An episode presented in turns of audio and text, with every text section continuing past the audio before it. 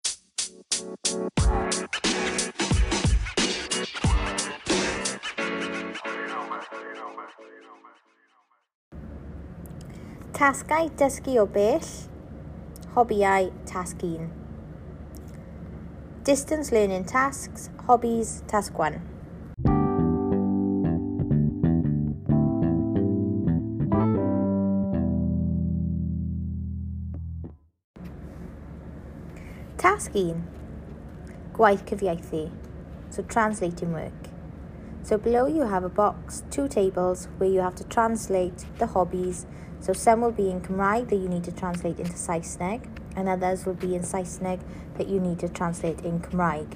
For extra help, if you go to the bottom of the sheet, you will see a big Q with a blue background and a QR code.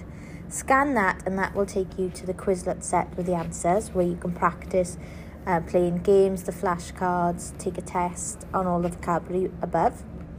And on the right, if you scan that, that's a podcast where it will talk you through all the answers and it will help you to pronounce the words. So the Quizlet will help you with the spelling and learning them, and the podcast will help you with pronouncing them and how to say them correctly. So please stop the podcast and either scan the QR codes to practice or listen or fill in the table.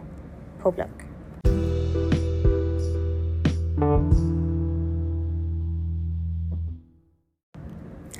o'n tasg 1, so task 1's answers. Chwarae, play or playing. Hockey, hockey. Football, pale droid. Netball, pêl roed. Rugby, rugby, but spelled R-Y-G-B-I. Tennis is already done for you. Tennis, tennis. Hockey R, ice hockey. Pale basket, basketball. Skiing, skio. Surfing, surfio seiclo, Cyclin.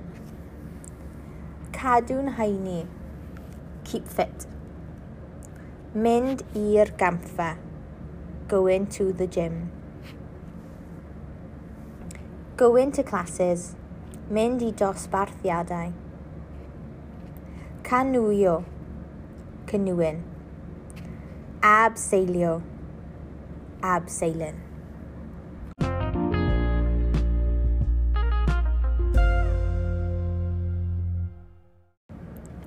Tas 2, tas 2. Ysgrifennwch bargraff am beth wyt ti'n hoffi gwneud yn dy amser hamdden. Write a paragraph about what you like doing in your leisure time. Please use the hobbies above or go on to Dictionary ar-lein or on your app and see if you can discover more hobbies yn Gymraeg. Don't forget to express your opinion as well. You can say achos mine, because, or achos rydw i'n. Don't forget you can add gyda, who with, pryd, when. So you could say ar ddydd llun on Monday. Maybe you can add a time as well, un o'r gloch. Pob look.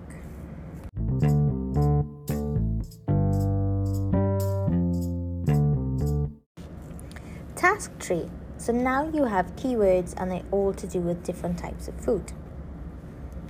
So again, on the left you have Cymraeg and on the right you have Saesneg. So whatever's missing you need to translate into the other language. If you need extra help, if you go to the bottom, there are two QR codes. Again, on the left you have a Quizlet. So if you scan that, you're able to see the answers and how to spell them correctly.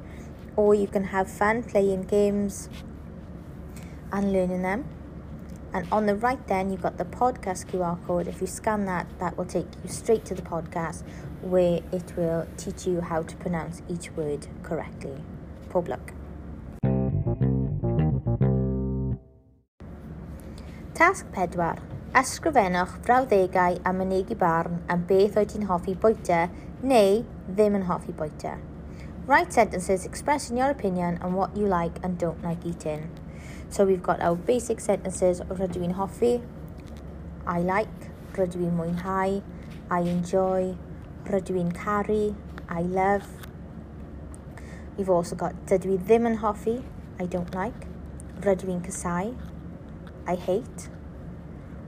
Or you could say yn fy marn i, in my opinion. So, for example, Anvamani, my banana, and vlasis. In my opinion, bananas are tasty. You could also say Vahof Void i Adi, my favourite food is, or Vinghaas Void i Adi. Pob luck.